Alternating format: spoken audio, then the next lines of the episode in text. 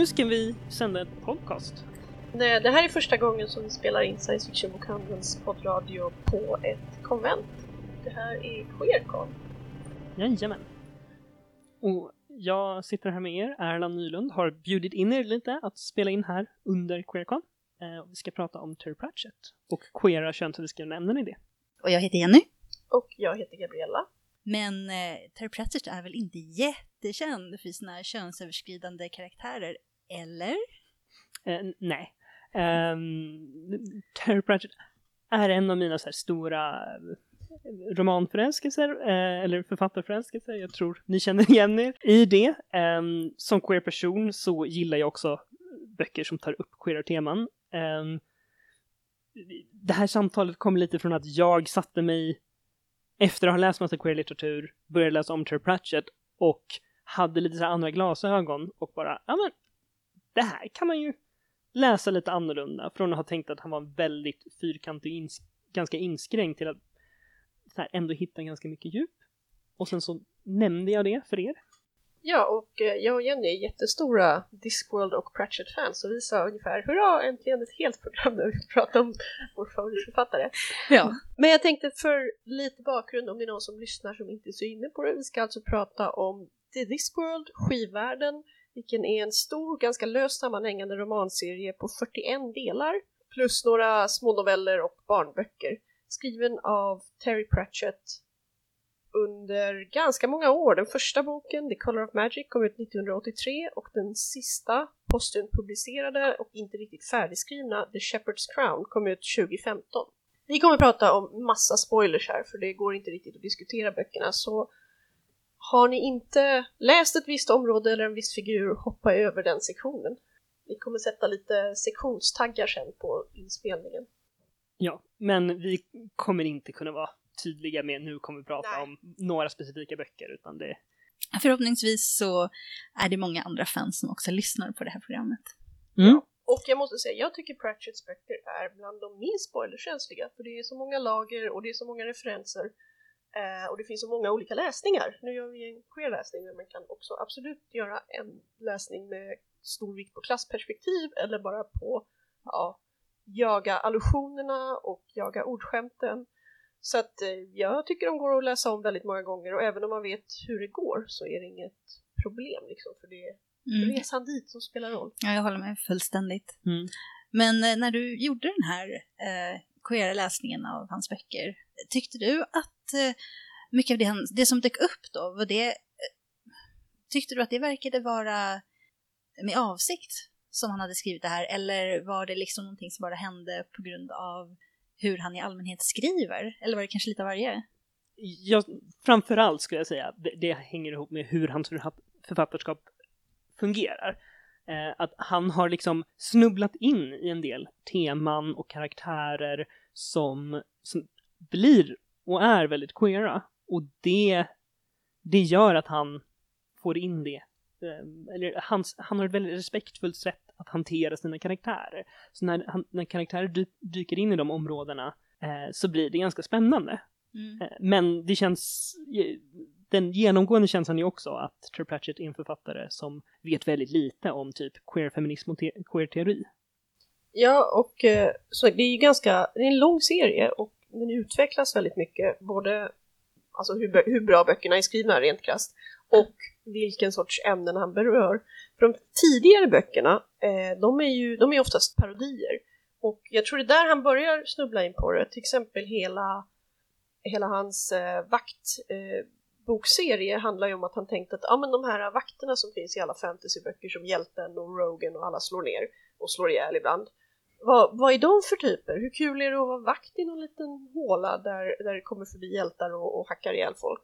Och så skrev han en bok ur deras perspektiv och där dyker också ja, dvärgar upp, eh, eller snarare en, människo, en människa som har adopterats som en dvärg kommer dit, han blir ditskickad. Människoformad dvärg. Ja, precis, han är dvärg, bara vad är det, 180 centimeter lång. Ja, för det här med identitet när det gäller eh, framförallt dvärgar är väldigt intressant. Mm. Och väldigt tidigt i bokserien tycker jag. Och eh, vi får då veta, det här är alltså Captain Carrot, han blir kapten i statsvakten senare, som eh, berättar att hans föräldrar är dvärgar och han är rätt säker på att en av dem, kanske hans mamma, är en kvinna. Men det är inte sånt man pratar om i det dvärgiska samhället. Och det, det, ja, dvärgarna är ju verkligen ett klockrent exempel på hur, hur han så här, mm, ja, för som en, egentligen en komisk effekt från början. Blir- Låter ja, så Alla här, vet ju att dvärgar har skägg och är små liksom, gruvarbetande gubbar i fantasyböcker. och så låter han alla vara det. Men sen så låter han, när världen utvecklas, bara, okej, vad blir konsekvensen av det här? Finns det kanske de som vill ha andra uttryck, som tycker att det är jobbigt att ha eh, ringbrynja hela tiden? Eller, ja. Mm.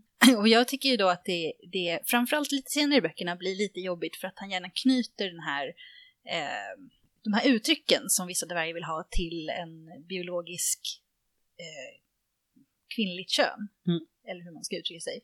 Ja, precis. Man får intrycket av att, att författarens avsikt är lite mer essentialistisk än man kanske hade velat ha det. Men eh, det är inte alltid så att man behöver läsa dem på det sättet, tycker jag också.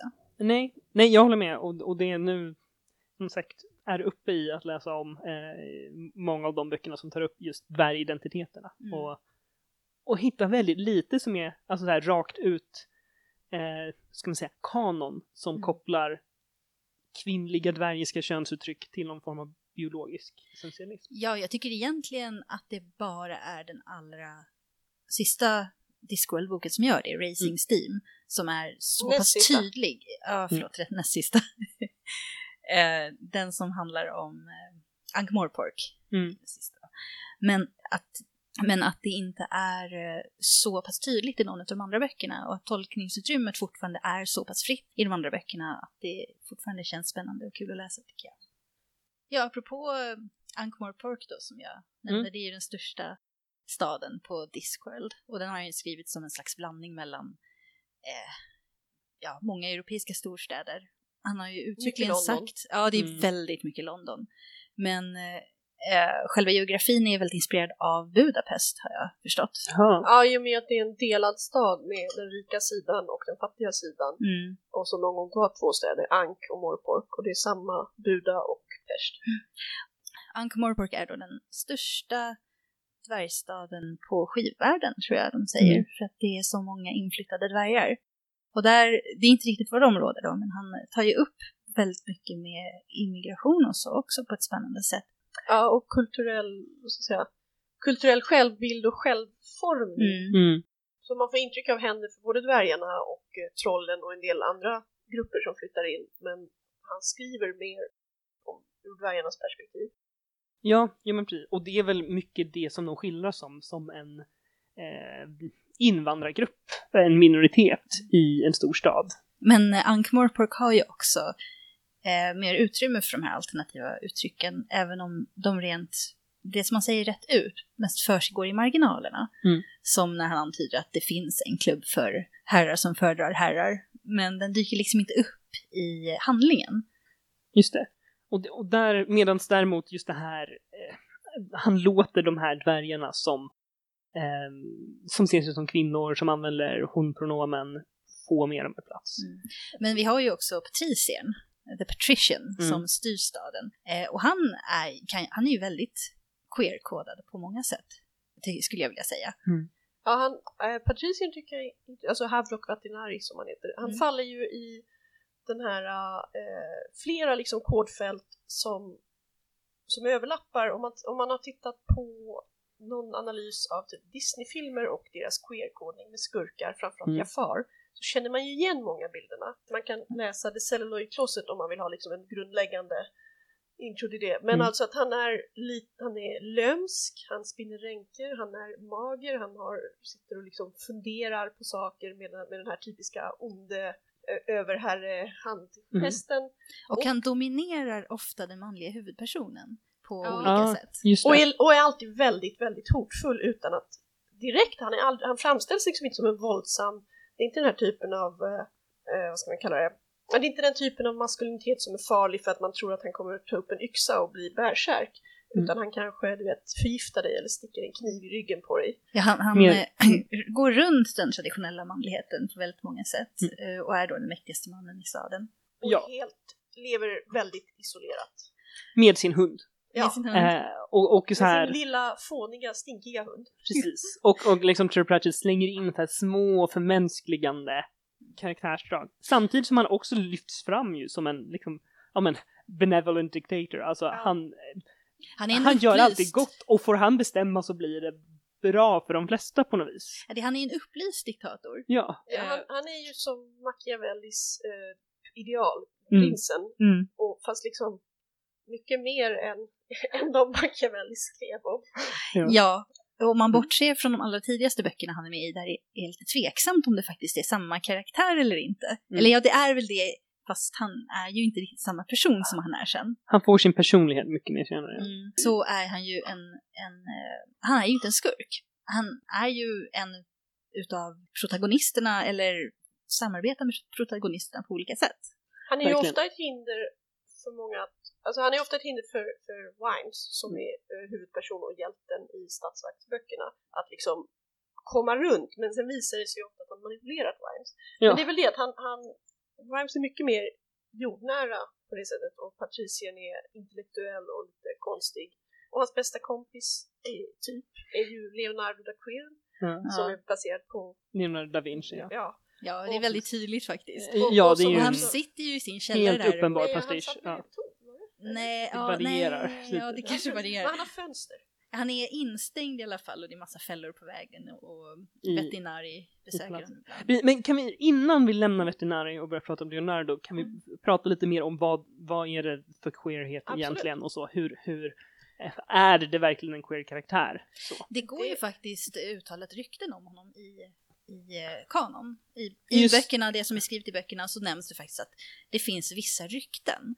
Men det finns, finns, nämnt vad det är för rykten? Nej, det, de antyder ju, det är verkligen så här på gränsen, men eh, det går ju också rykten om, hon, om honom och den här vampyrhärskaren Lady Margolotta. Ja. Mm. ja, precis. Lady Margolotta. Det, jag har precis kollat i Unsane Academicals, en av de senare böckerna, där uh, Ridcully, eh, som är rektor bland torkfararna, Mm. eh, säger att de har ett punkt, punkt, punkt förhållande och ingen är riktigt säker på vad det är förutom ett punkt, punkt, punkt. Men det kan ju vara som de har ett vänskapligt, de har ett romantiskt, de har ett antagonistiskt, de kanske är varandras favoritfiender. Ja, Eh, så att precis. det är väldigt svårtolkat. Och de eh, umgås då mest genom att spela schack med semafor, eller via semafor. Men däremot så ges han ju, alltså som du säger, han ges ju tydliga mm, han ges ju många av koderna som används i många troper när man ska måla upp en, en ond och underförstått, Manipulativ. manipulativ och underförstått lite homosexuell eller queer Mm. person. Alltså den här mm, att vara attraherad av rena könet eller liksom att vara sexuellt överskridande är en del av, eller sexuellt normbrytande är en del av det här allmänt gränsöverskridande som de här onda, gör de här onda karaktärerna läskiga. Samtidigt som han inte är så läskig och han, jag skulle väl säga att han framstår som extremt asexuell. Ja. Eh, Alltså, Det är sant. inte nödvändigtvis en asexuell, alltså så, inte nödvändigtvis att han har den längden, men, men så här, han, han ges, jag, jag tycker inte han ges, och man får ändå höra hans tankar en del. Han, han uttrycker eller tillskrivs typ aldrig några sexuella eller romantiska intressen överhuvudtaget. Utan han är bara, han har en del Han emotionella band. Ja, han är väldigt asketisk också. Han, vi Mm. får ju höra att han äter typ torrt bröd och vatten mest. Och kanske lite buljong. Ja. Ehm, och det, som du säger, en, en frånvaron av, av att han har sexuella begär blir ju lite en del av den tropen också. Att man, vare sig han vill göra någonting eller inte så gör han inte sånt för att han måste tänka på sin position och på att inte kunna bli utpressad. Och det är därför han har ingen favoritmat, han har inga favoritpersoner utom en vampyr långt borta. Mm. Eh, Även om, om man tittar på... Jag skulle nog räkna Vimes också ändå. det, om, Mm. om man tittar på Discworld fanfiction så är ju det största icke-kanoniska paret Wimes och Vetinari för att, att han Ah. Jag, är, njuter uppenbarligen av att reta Wimes. jag tror inte att någon blir överraskad av det avslöjandet. Nej, Men det finns ju också en, eh, ett avsnitt i, jag tror att det är Nightwatch, när hans sekreterare Drumnot säger att eh, ja, om Vimes inte existerade så hade du varit tvungen att uppfinna honom. Mhm. Och Vetinarius svarar att jag tror nog att det var det jag gjorde. mm. ja, ja men det är sant. Men det, det, men det finns ju fler sådana karaktärer. Det är framförallt Vimes och Moist and Litwig som har den platsen av att vara karaktärer som Vimes, nej, som Veterinary har uppfunnit. Eller Ja, så här, ja, visst. han, han har Absolut. hittat deras plats och liksom Mm. eh, Rätt man på rätt plats verkligen och Ja. sen en slags eh, kontrollerad naturkraft. mm, Båda två skulle jag vilja säga är det både Moist och Han gör ju det för andra också får vi veta. Efter eh, boken Jingo, som Mm. vi bör återvända till sen. oh ja. Så, så som tack lite grann för att Nobby och Colon som är ganska odugliga vaktmän men ändå de var liksom till hjälp. Och då ser han till att hitta en plats åt dem, nämligen att de får bli Ankh-Morporks första trafikpoliser och får liksom ha hand om den avdelningen. Mm. Ganska ofarligt, eh, stor chans att få muter och det är ett jobb som behöver göras. Och de är på gatan. Ja, Alltså, ja, det är så här, behöver håller de på ett jobb där de får gå på gatan och få betalt för det. Eh, och och Ja. det är det de är bra på ungefär. Um, ska vi ta oss tillbaks till dvärgarna lite? Ja. För jag tycker vi har några Absolut. bitar där att, att om, alltså om vi pratar lite så här hur vi, vi kom liksom den här introduktionen att ja i Guards Guards dyker eh, Carrot upp och så. Men eh, jag, jag tänker det riktigt spännande börjar ju typ Feet of Clay Ja. och så. Där eh, Cherry Littlebottom, eh, en dvärg från Uber, Uberworld. alltså jag älskar Cherry för dels är ju hon en viktig del i att eh, vakten börjar utveckla, liksom, de börjar få specialiteter, de är inte bara en stadsvakt. Hon blir ju deras, eh, hon blir deras CSI-avdelning. Ja, Forensic Anal- Analytic. Ja, och det, det är alltså inte bara, det är första gången någon säger så här, men ska vi lite metodiskt studera, inte bara det ligger en ledtråd här, någon har rökt en cigarett, utan vad, vad kan vi hitta från den här cigaretten? Vad är det för kladd eh, den döde har under naglarna och sådär? mm. Eh, och det är ju Vimes idé, men det är Cherry som får det jobbet och blir riktigt bra på det dessutom. Som, och, och en tidigare alkemist eh, med ett urfånigt namn som, som alla väldigt aktivt inte skrattar åt när de presenterar sig. Ja, jag tror hennes pappa hette Jolly Little Bottom. Ja, ja men Cherry kommer ju från det här området där det är väl traditionella namn Precis. är så. mm. Traditionella dvärgnamn för Mm. just eh, eh, det området. Jag kommer inte ihåg vilket det är, men det är inte Copperhead. Nej det är Uberworld. Ja, Som, Copperhead ligger inte i Uberworld. nej det är det- närmare Lancashire. Det, det, Precis. Det där med Mer geografin är lite konstigt men um, vad heter han? Rys Rysson är ju en Welsh-kodad dvärg och Just det är Copperhead. Just Lamedos Ja, hållet. ja däråt det. ligger det. Jag, jag skulle säga mer Ja. kodad som Wales är liksom i verkliga världen. Mm. Mm. Eh, Rys är ju så här traditionellt The Low King of the Dwarf. Medan Mm. Uberwald snarare är sagotyskland, alltså bröderna Grimms sagovärld och Mm. därför heter dvärgarna där namn som kommer ur till exempel Snövit.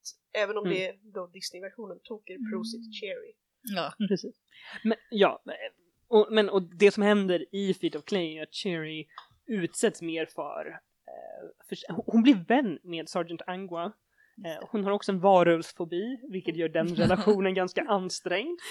Ehm, och med detta får man väl veta senare. Eh, och, Men- och hon är en hon. Och hon Precis. väljer, hon är den första dvärg som säger jag är en kvinnlig dvärg. Mm. och ni ska kalla mig för hon, och det är väl mycket i relation med Angua, upplever jag som, som beskrivs Ango är ju som väldigt stöttande i, Mm. i det här att verkligen hitta sin egen identitet och liksom vara sig själv. Mm. För det är ju också någonting som Ango alltid har känt att hon inte kan vara.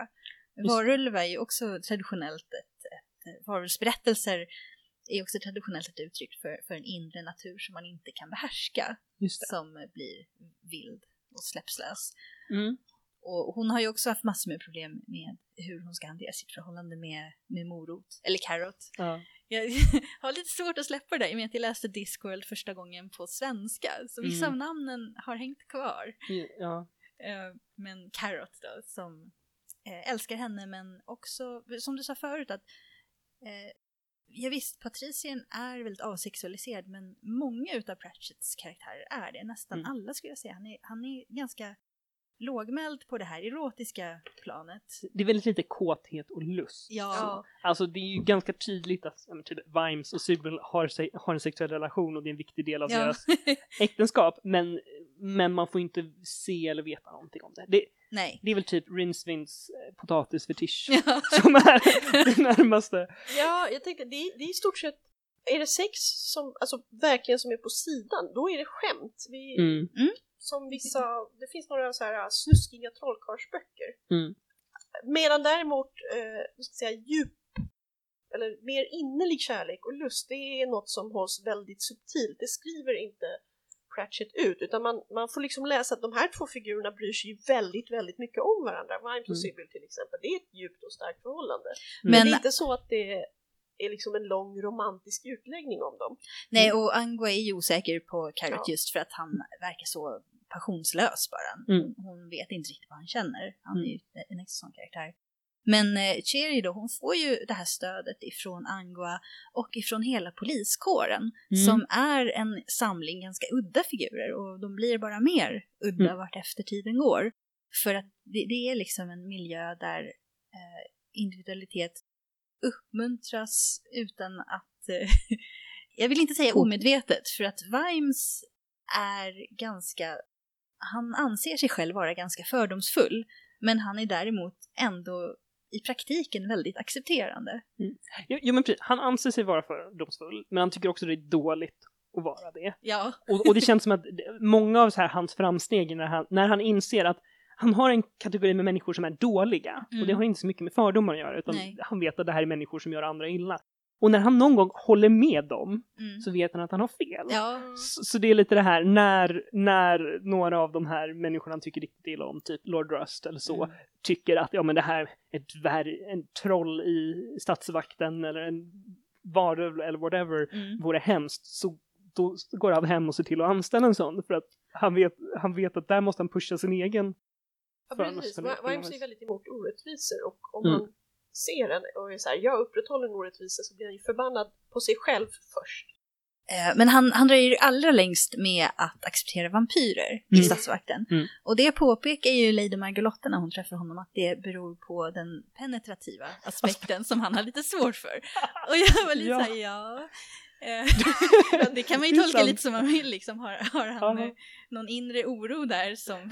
Precis, outar hon honom som homofob eller vad är det som händer? Ja Men men liksom, det kan ju vara eh, internaliserad homofobi. Mm. Eh, Jag ska bara säga, Ja. Vimes tycker jag ändå beskrivs som en ganska homofob karaktär. Alltså Ja. han, har, han har många sådana moments, liksom när han, alltså så här, han överlag så tycker han att, verkar han tycka det är lite obehagligt att dvärgar blir tillsammans eftersom de är, Ja, han, läser dem som män. han är uppfostrad på ett väldigt småborgerligt sätt. Mm. Och det är det som verkligen sitter i djupet av honom och som han själv måste kämpa emot. Det är så också rasismen och alla de här fördomarna som man egentligen vet är fel, men det sitter lite i märgen.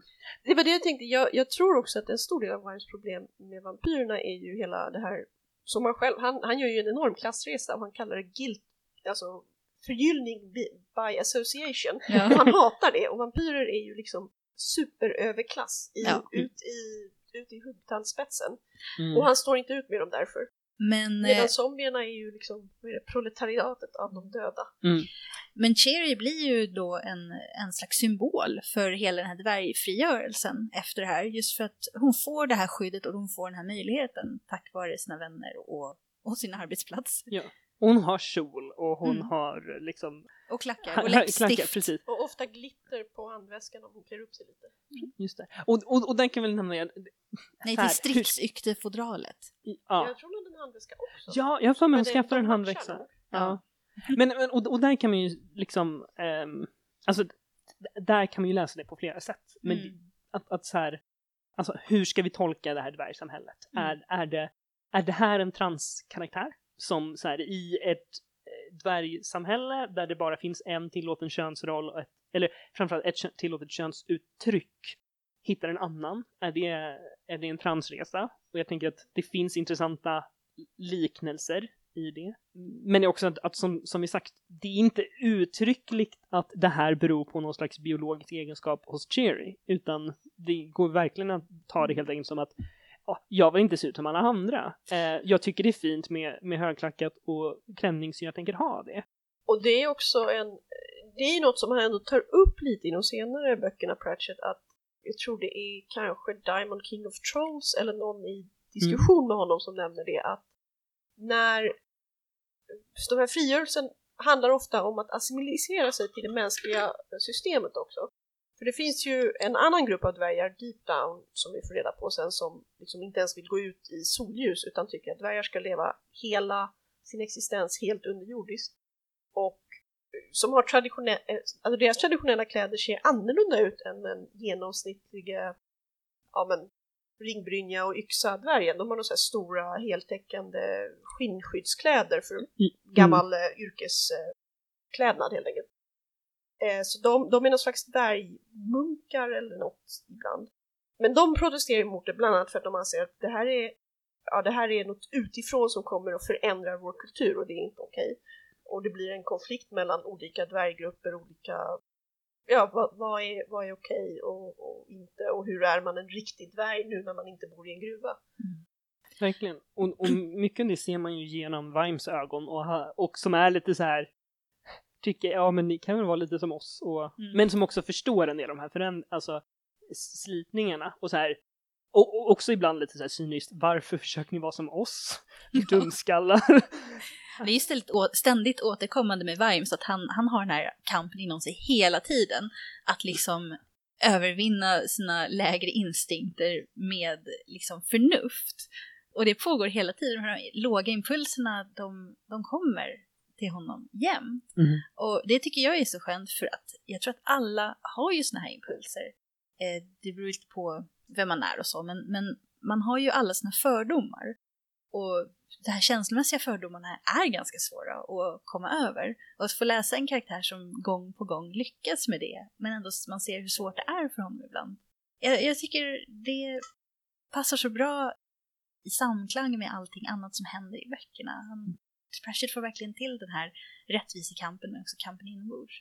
Och jag men, för mig som inte trivs så bra i en feminin könsroll så är det ju också lite så här, men alltså, jag tyckte det var ganska trevligt med en, en grupp där det sades tydligt att det finns, det är en, vad ska man kalla det, en art eller ett folkslag, om man tänker på science fiction ofta, så där det är de är en art, de är inte människor.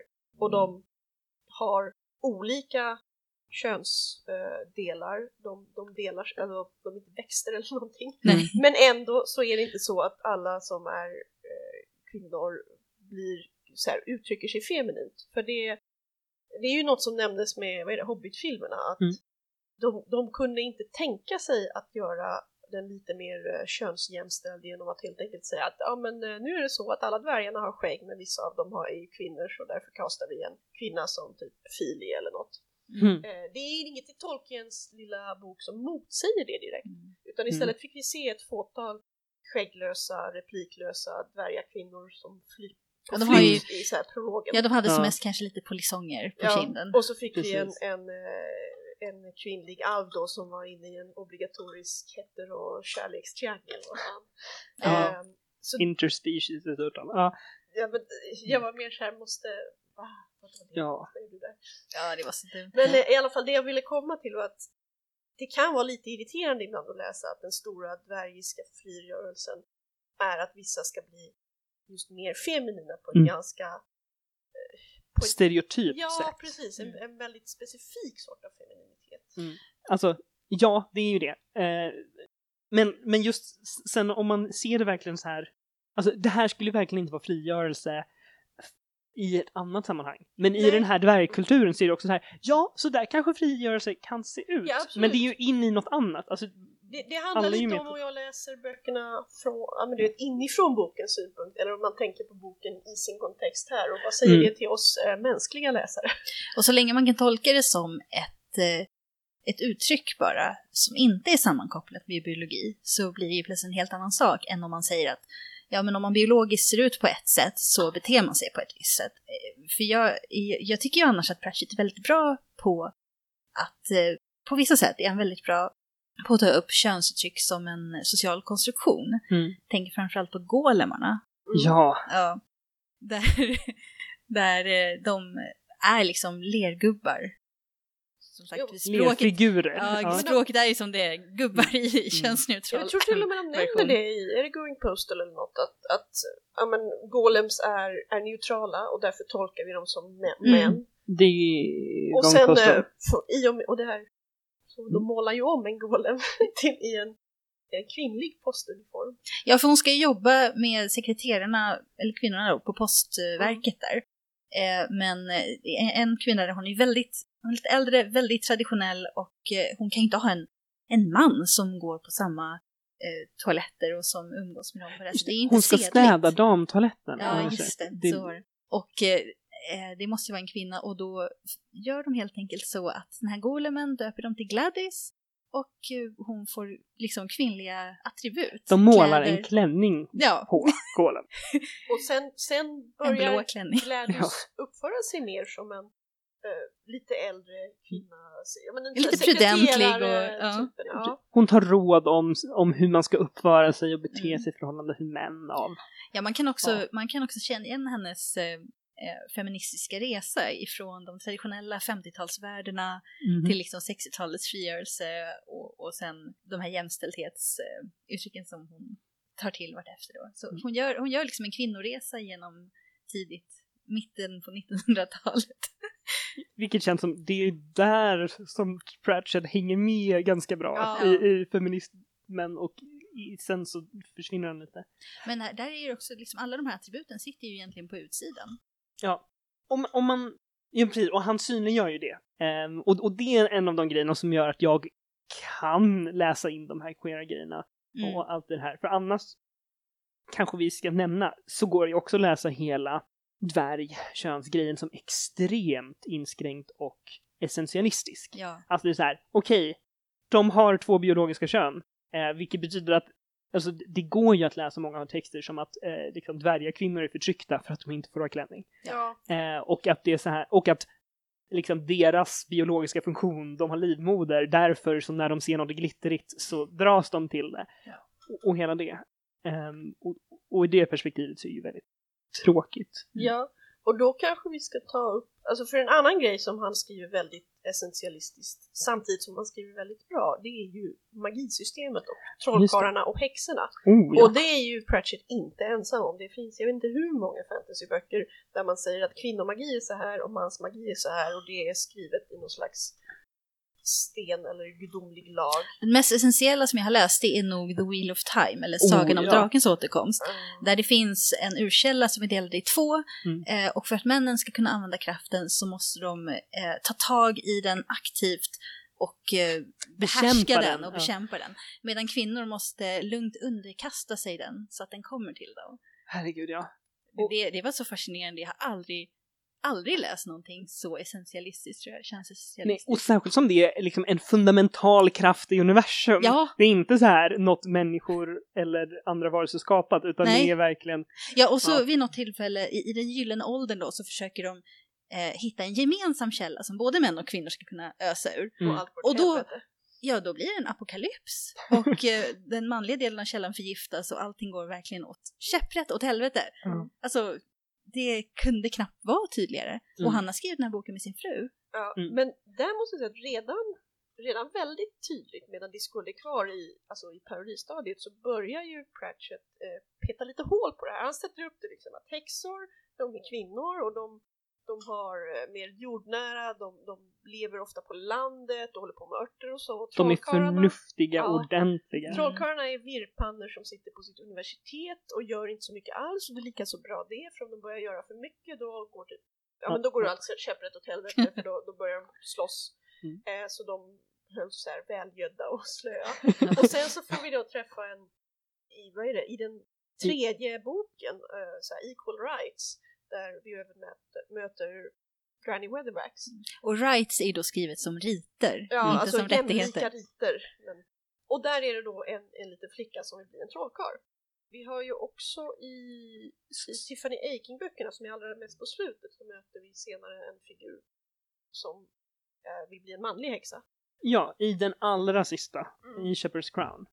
Eh, om jag minns rätt. Ja, Så, så, och, och, och det tar verkligen ända dit, men han introducerar ju häxorna, alltså Equal Rights är ju första och Granny Weatherwax som nog är min absoluta favoritkaraktär genom hela serien. fast precis som veterinärie också lite out of character i första boken. Hon blir mycket bättre sen. Precis, hon, när hon får en egen bok. Ja. Det, det tar en Men- liten stund innan karaktärerna stabiliserar sig. Precis. Men den boken eh, handlar ju om att just det här vad händer när, när den här kvinnan ska få vara?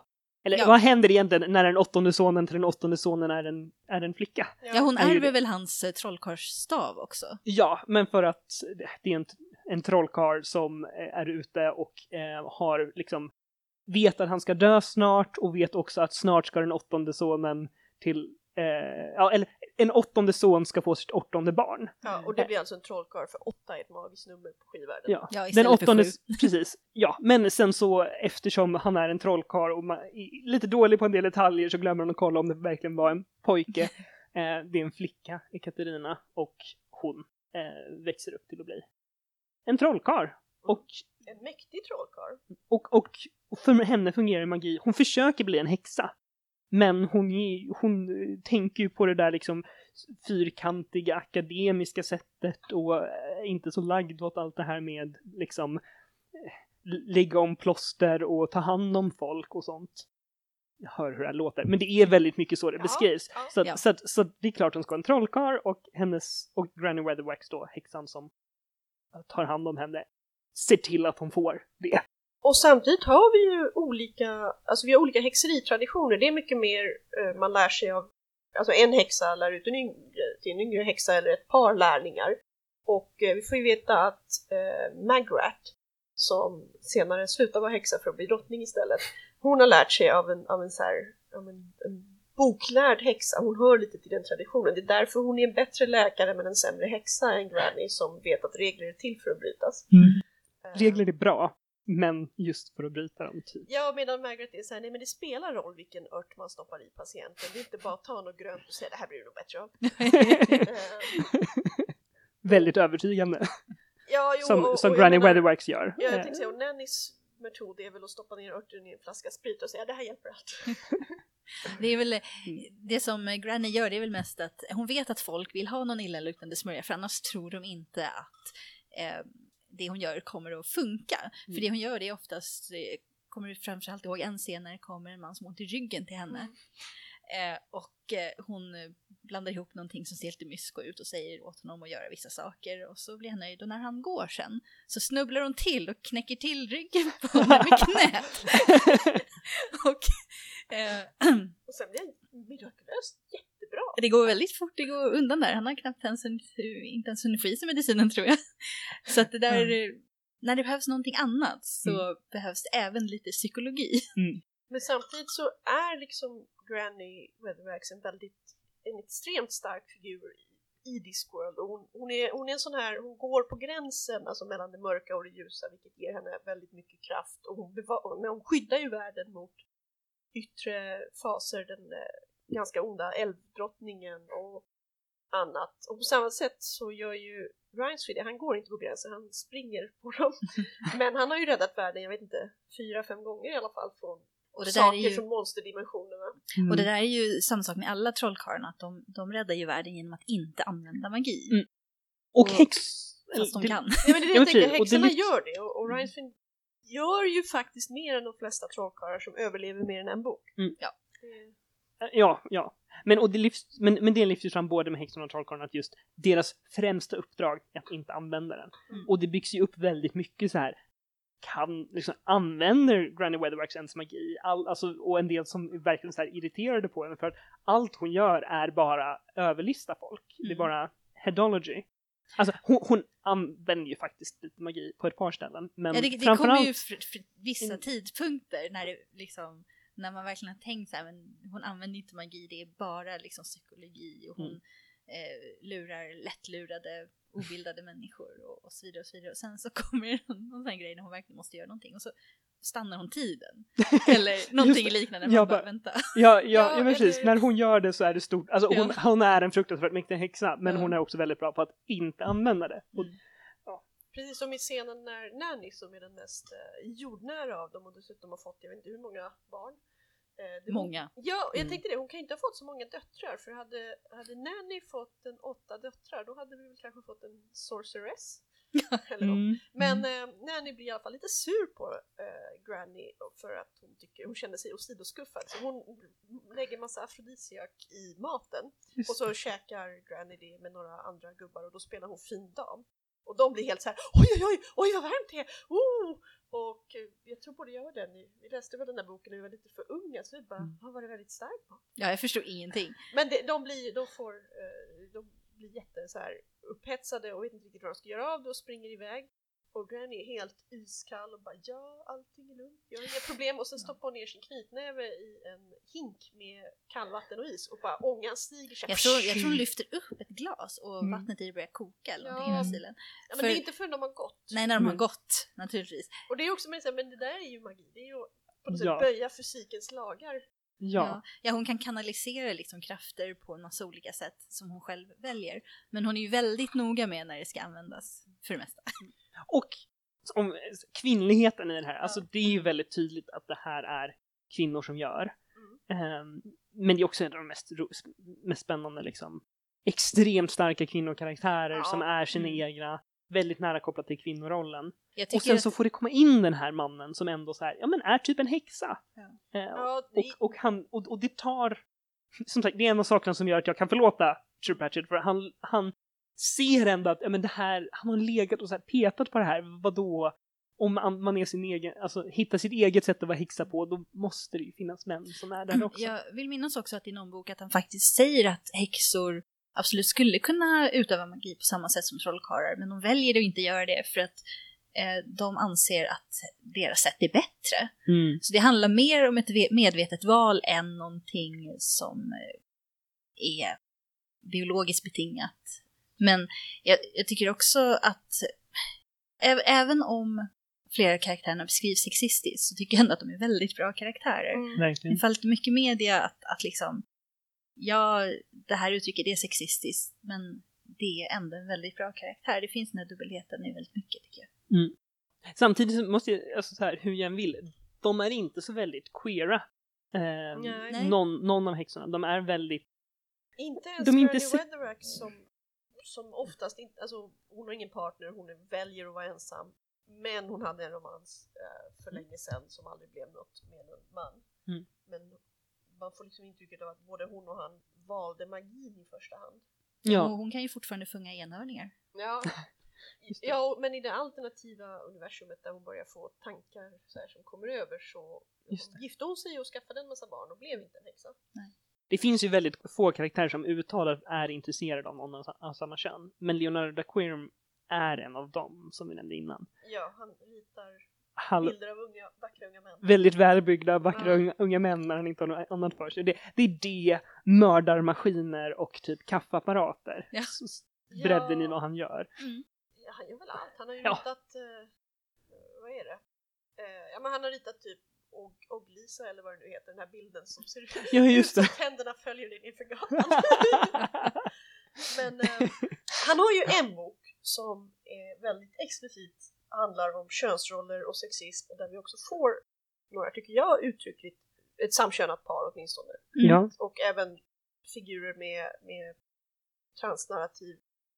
Alltså så här som, Mm. som kan läsas som så, de har ett annat språk.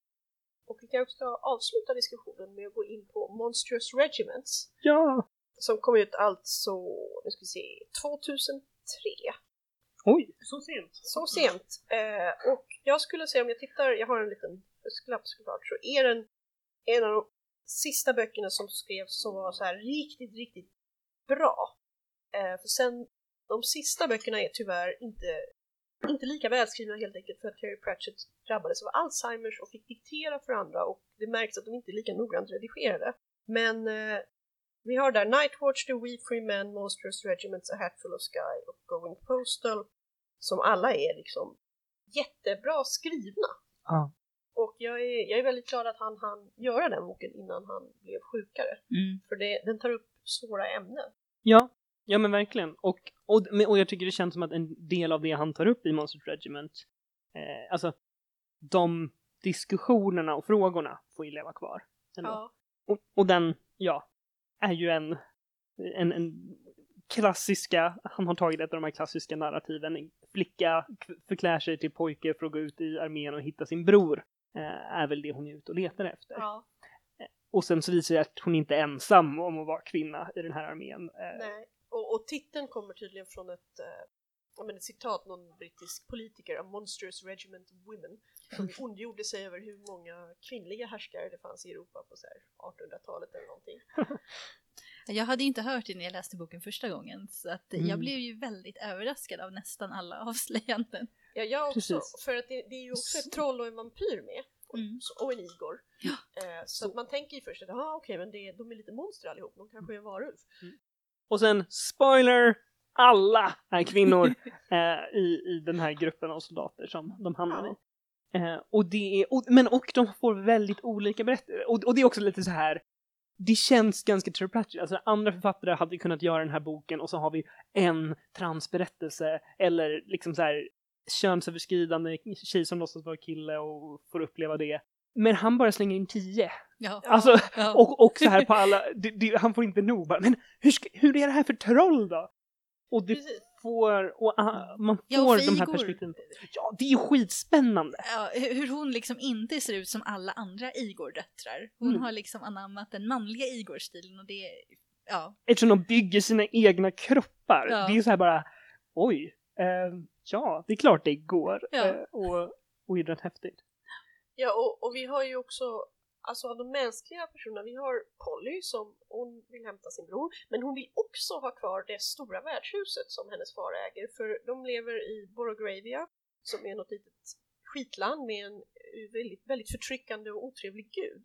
Som dessutom har blivit så här helt koko. Mm. Ehm, och hon får inte ärva, om hon inte har en bror då måste hon gifta sig och det sägs aldrig varför men det är, det, det bara står så här, det är inte en möjlighet. Det är inte ett alternativ, Nej, typ. hon Nej. tänker inte gifta sig. Det kan vara för att hon är lesbisk, det kan vara för att hon är asexuell, det kan vara för att hon kommer bli en ägodel till sin man och hon har tittat på de eh, ja, pojkar är det förmodligen, det borde bara vara småpojkar och gubbar kvar i byn Mm. och är så här, mm, ingen av dem.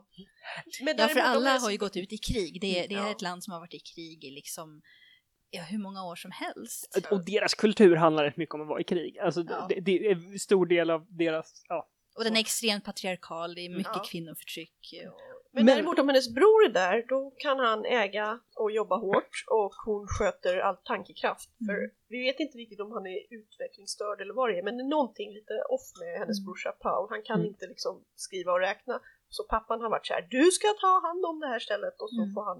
ja, det, Mm. det handlar ju också om hur, hur samhället ser på folk som, ja, men som har en funktionsnedsättning då, en Mm. mental funktionsnedsättning. För han, det tas ju ingen hänsyn till det när han, Nej. liksom skickas ut. Nej, det viktiga var ju att han var man. Ja. Och, och, och då liksom, och det tänker jag också i en kommentar, att här, Ja. alla andra saker som gör honom uppenbart, det är uppenbart vem av han och Polly som är den som skulle kunna ärva eller ta hand om det här värdshuset. Mm, ja. Men det viktiga är Ja. typ hans genitalier. Mm. Men där är också, alltså i, i den kulturen, eller i hur Polly beskriver, hon har kanske inte världens mest positiva bild av män så. Nej.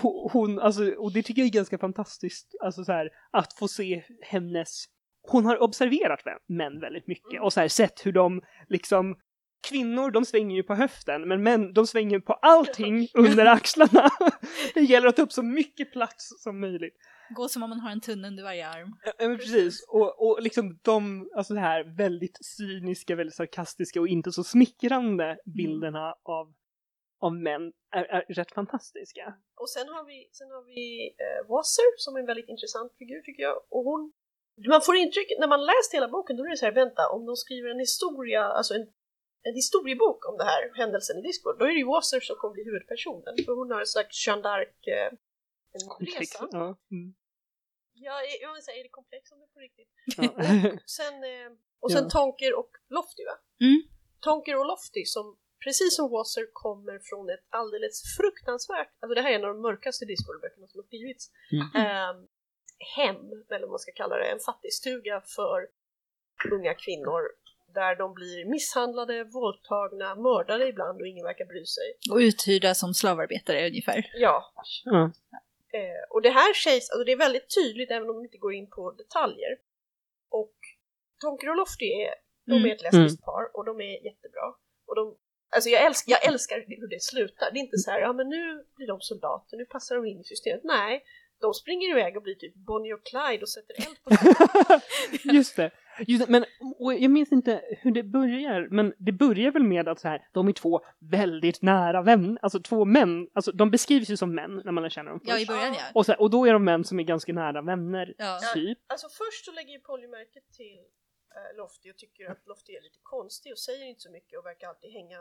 Och sen så ser han att ah, men shit, det är ju en tjej. Åh nej, hon var så dum, hon måste ha följt med sin pojkvän in i striden. Mhm, mm. Och sen... Ganska långt senare väl? Ja, i ett par kapitel senare så, in, så avslöjar vampyren, som, är, som alla vampyrer är lite av en besserwisser och snobb och så här. Ja men det, Tonker är ju faktiskt en kvinna. Och Polly bara men, men det är inte de! Och hon bara åh lilla vän, klapp, klapp, världen är så stor! Åh. För Maladikt är är ju också så här, nej men sånt är ju, jag är ju världsvan. Ja. Sånt hade du aldrig tänkt på eller? Klart, de kan vara ihop trots att de är kvinnor. Ja men och, och det, är ju, det är ju väldigt explicit. Ehm, jag tror att, jag, jag inser när jag tänker på det så, så kanske jag ibland tolkar det lite som att det kanske är en, en, en kvinna och en transman eh, i det förhållandet. Eh, Ja, berättelsen blir inte mindre queer, men Nej. om jag minns rätt så är Tonker Alltså verkar ha ett mycket mer maskulint uttryck och ver- verkar vara mer hemma i det. Ja, vi, vi vet inte så mycket. Så Tonker är storvuxen och, och har så här rakat av sig typ allt hår. Men jag tycker, jag tycker det är väldigt svårt för man får väldigt lite beskrivningar av dem. Det är eh, Mm. extremt svårt också att veta så mycket om Lofty. Som, det, de frågar så här, ja, men ska vi, ta oss, ska vi liksom smyga oss in i fiendeläget? Vad vill vi göra? Och Lofty tänder en tändsticka och håller upp och alla vet att det betyder ja. Ja. Så att Just det. Mm. Loftys könsidentitet är för mig en gåta för att Mm. vi, vi får, det är en figur som är väldigt svår att komma nära och vi får aldrig se något ur hennes perspektiv. Och Sen är det här Pratchett en, brukar låta en del sådana saker vara, alltså så här, Ja.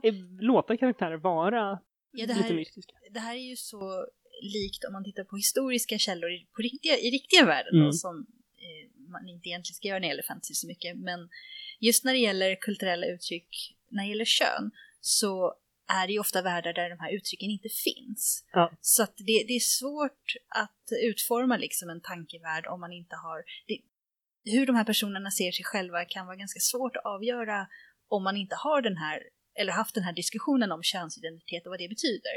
I den världen. I den världen, Mm. precis. För vi, vi, vi, vet, vi kan inte tolka deras språk riktigt. Nej.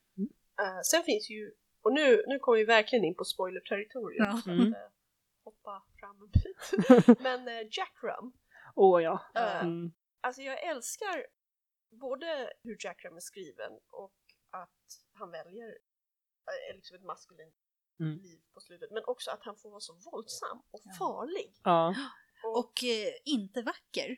Ja, Nej. inte vacker utan så här stor och grov, ja. precis, rätt burdus. Rätt sympatisk, Ja. men också eh, våldsam och livsfarlig som vi Ja. säger. ja, Och liksom, ja, dödar folk kallblodigt flera gånger liksom. nej, hetblodigt skulle jag säga. Okej, är aktivt den- väntar på tillfället att döda dem Ja, hetblodigt. Men, Och det, det, det finns den där scenen där, där Jackram haft ihjäl eh, deras fånge och, och liksom bara står där så här så det typ reser sig månen och allting är rött och, och Polly tänker på så här någon gammal sång så här, The devil was my ser- sergeant och, och Jackram blir ju riktigt satanisk i den bilden Mm. på ett sätt som jag kommer inte på någon annan, alltså som inte är en skurk och blir liksom avlivad i slutet av böckerna som är så.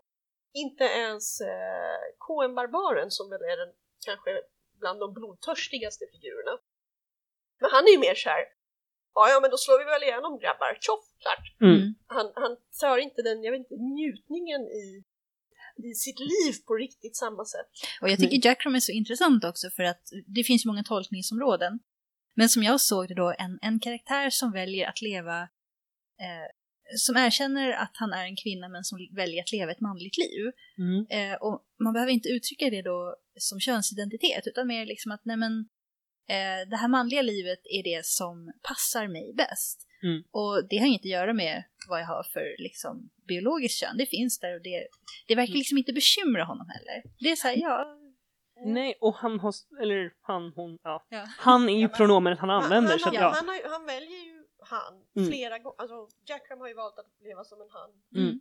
hela tiden och så jag tycker det är det pronomet som passar. Ja, det är ja, det och som han har mest. gjort sig den platsen. Mm. Eh, men och, och det är ju som, som du säger, alltså det är mycket som historiska skildringar av, av eh, ja, kvinnor som strider, ta, liksom presenterar som man i armén. Där det finns en del som ser det som ett sätt att hitta ja, men ett liv, en könsroll som passar dem, komma bort från liksom kvinnorollen. Och en del som mer verkar liksom, ja, jag är soldat eller Mm. alltså for, fortfarande har en ganska stark ident- identitet som kvinna. Och förstås, de har inte orden av, av liksom trans och, och köns, de här könsöverskridande identiteterna som vi har idag.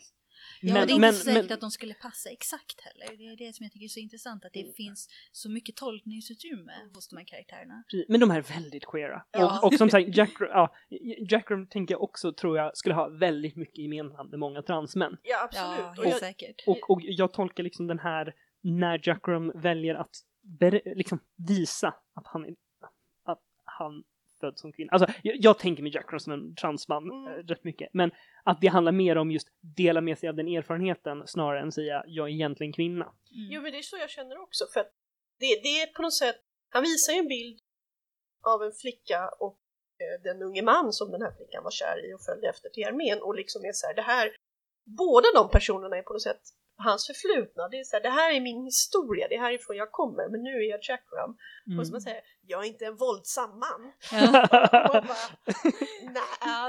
på min ära och heder, jag är ingen våldsam man. Nej, okej.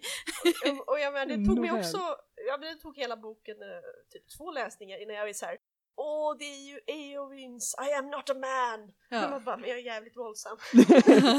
och eh, får fortsätta vara det. Så Mm. Eowyn Det är ju så slutar roligt. vara sköldmö och gifter sig och försvinner ur det och Mm. Jack Rum har liksom hela, Lever i kriget. ja, Ja, har har Jack någon identitet så är det väl soldat. ja precis. ja.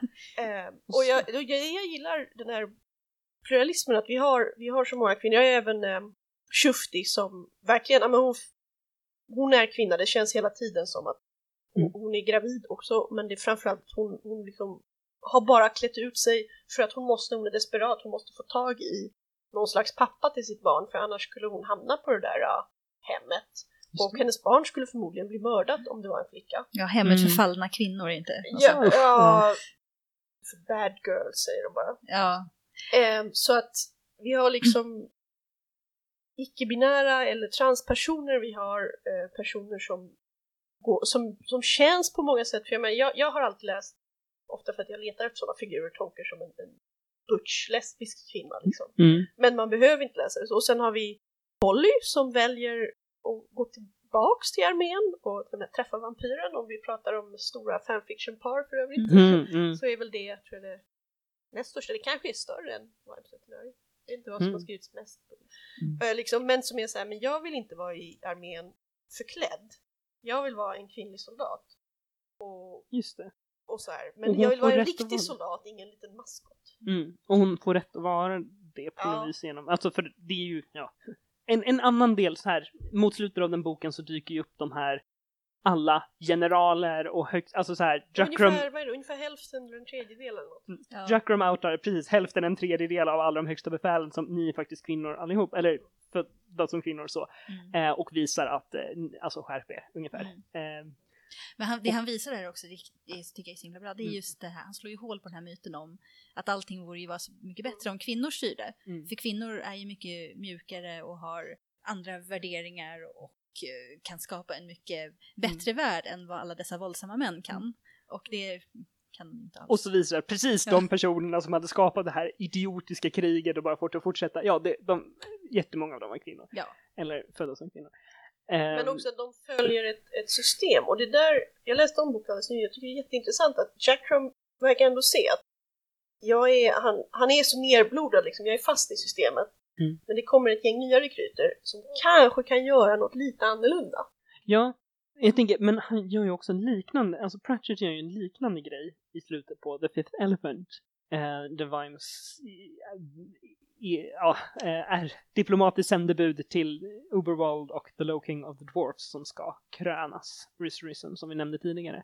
Precis, och då har kronan försvunnit som behövs för kröningen. Eller, Ja, eller precis. Det är, stenen eller något sånt där. det är Tron- huvudhandlingen och så. ja just det. Men, men och så här i, i verkligen så här sidokommentar, men så antyds det ganska starkt att ja, eh, Rhys Risen också är intresserad av att presentera som kvinna på något vis. Att nämn typ så här frågar efter Cheerys skräddare Ja. För att ja, jag kanske skulle vilja köpa en klänning därifrån. Eh, och det är så här, återigen, vad det betyder om, om kön och uttryck och sådär kan vara lite luddigt. Men Mm.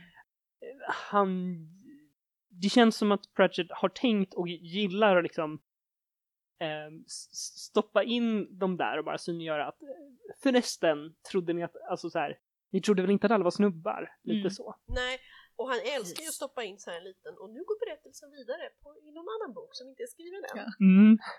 Mm. Jag tycker ju också eh, någonting, du nämnde ju icke-binära eh, personer också. Jag tycker, som sagt det finns ju många tolkningar, men i Monsters Regiment så tycker jag, är det någon som verkar ha en väldigt eh, avkopplad syn på könsidentitet så är det ju Maladikt eller Maladikta Mm. som verkligen gör sitt avslöjande, så här, ja förresten Maladikta.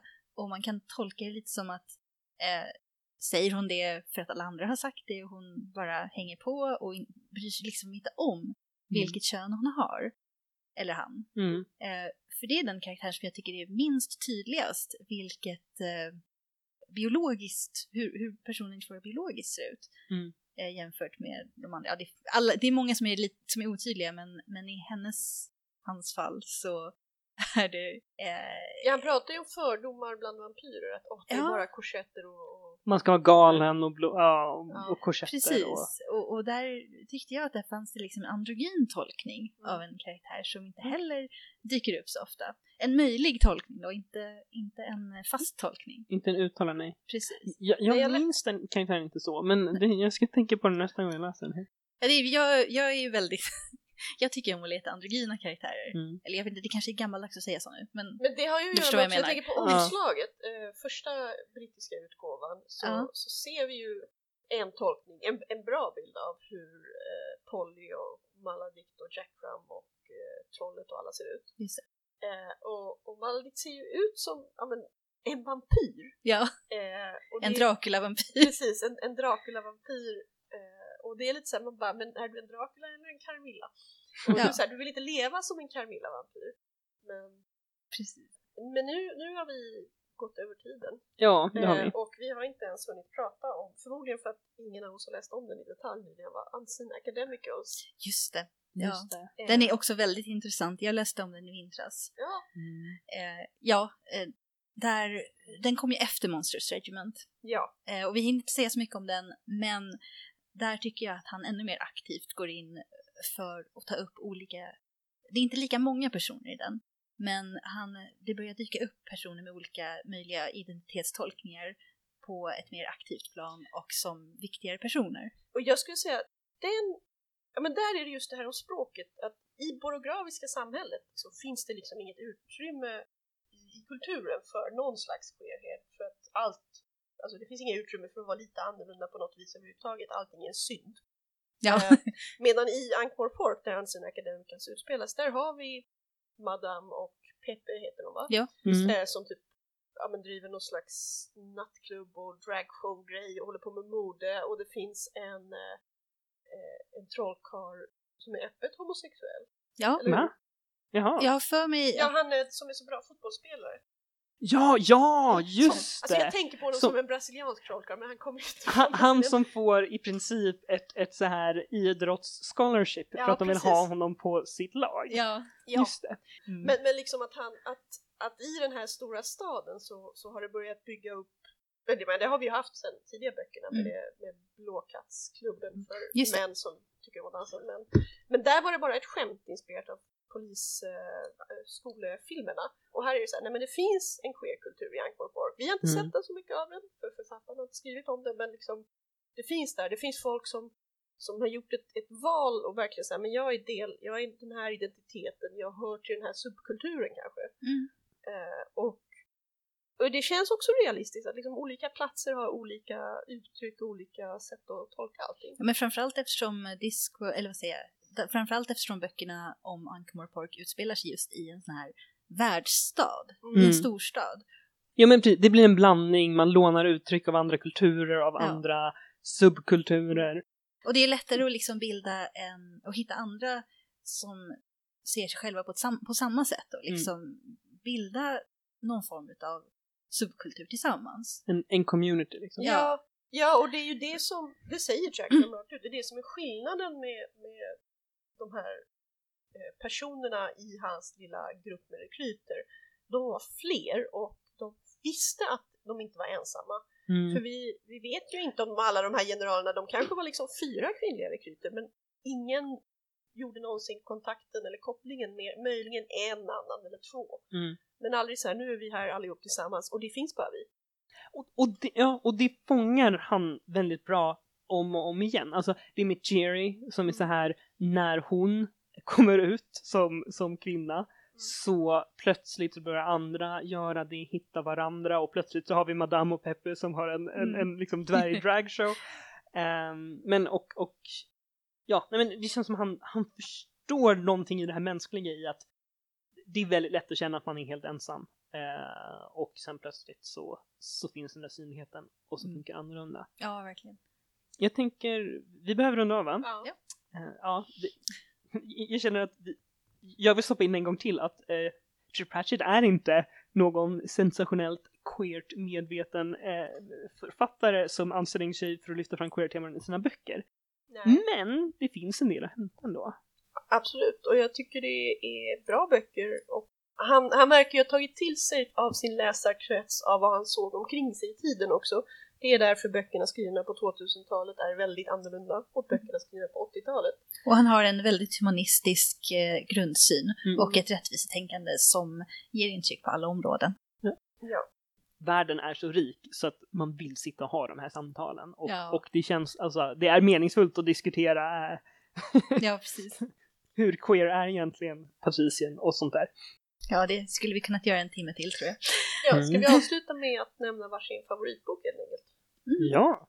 Det är Eh, ju svårt. Ja, men jag Men tror nu, att en. nu måste ni välja en. om jag ska välja en så är det den boken som vi borde ha hunnit prata om, Jingo. Eh, Ja, fantastisk eh, bok som lyfter upp väldigt mycket av inskränkthet och fördomar och det mänskliga tillståndet. Och har Vetinari och Leonard och eh, Nobby Nobbs. Och Nobbys transupplevelse som vi inte har hunnit Ja. prata om alls. Nej, usch, det var en miss. Det Ja. borde vi ha hunnit med. Ja, ja. Tiden är Mm. för kort. Ja. Ja, min favoritbok är Nightwatch. Eh, det är den där Wimes reser tillbaks till det förflutna och ser att allting var inte bättre förr. Eh, det var faktiskt ganska hemskt. Och eh, ja, men den, är, den är också den är mörk, den är bra, den är spännande. Det är den boken tycker jag där Pratchett hittar bäst balans med en Wimes som har liksom blivit en, en hjältefigur i och med att han tar bort hans makt. Men också blivit en väldigt välrundad, intressant figur. Ja, det är väldigt svårt att välja faktiskt. Och han har ju skrivit så olika stilar under sina olika perioder. Men jag undrar om inte den boken som jag har läst om flest gånger ändå... Jag undrar om inte det är Hogfather. Ja, det är jättefin. Ja, det är kanske är lite otippat och det har inte så mycket att göra med de ämnena vi har diskuterat idag. Mm. Han har ju skrivit så himla mycket och så varierat. Men den boken har ju döden som en väldigt framstående, alltså en väldigt viktig karaktär i dem. Och Mm. döden är ju också en av mina favoritkaraktärer i Mm. alla böckerna. Och det är liksom det är en parodi över julen, men den har ju också Susan Stowe Healit som Mhm. är kanske min favoritkaraktär i Fantastisk. Discworld. Mm. Jag avgudar henne. Den är bara helt fantastiskt bra helt enkelt. Jag läser den varje jul. Ja. Mr. Teotimey Ja. som en fantastisk skurk. Precis. Eh, ja, och eh, nej men alltså vi hoppade ju typ över alla dödenböcker för, de, Mm. För, för döden har inga körtlar. Så Nej. döden har inte så mycket känslor och lustar överhuvudtaget. Däremot är döden ganska nyfiken på oss konstiga människor. Precis. Alltså jag, jag funderar också på att ta upp döden, men, men han använder pronomen han. Men döden är inte ett bra exempel på en queer karaktär, även om den är uttalat liksom könlös och allt sånt där. Men Nej, men jag vet, jag tycker inte så mycket om boken, men jag vet att jag såg en diskussion om The Thief of Time där någon diskuterade när den här uh, auditionern, uh, vad de heter på svenska, fick en förmänskligas och liksom började uppleva Revisorerna, är det Ja. revisorerna? I alla fall när tror började det. kroppsvisa att, att för den läsaren så var det en intressant eh, att läsa med liksom transglasögon och, Mhm. och som en självigenkänning.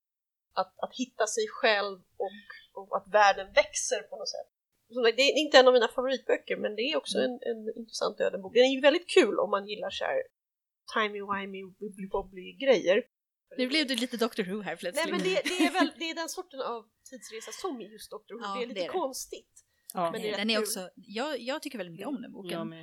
eh, av olika anledningar. Men ja, där, det handlar ju också om eh, att klä sig i ol- olika identiteter och att eh, alltså, få en identitet genom yttre attribut. Mm. Jag tycker Pratchett jobbar ganska mycket med det. det. Egentligen så är det samma sak med döden, att han har blivit smittad av mänskligheten. Mm. Därför han liksom blir en han. Det, det, egentligen så är han ju människa. bara en... Mm. Ja, han har ju den här äh, gestalten av liemannen. Mm. Som är väldigt traditionell och en metafor egentligen. Och för han är ju en urkraft, men han har blivit en person. Mm. Och eh, därmed tror jag vi får sätta punkt med Döden och Liemannen. Tack Ja, så mycket! tack själva. Tack.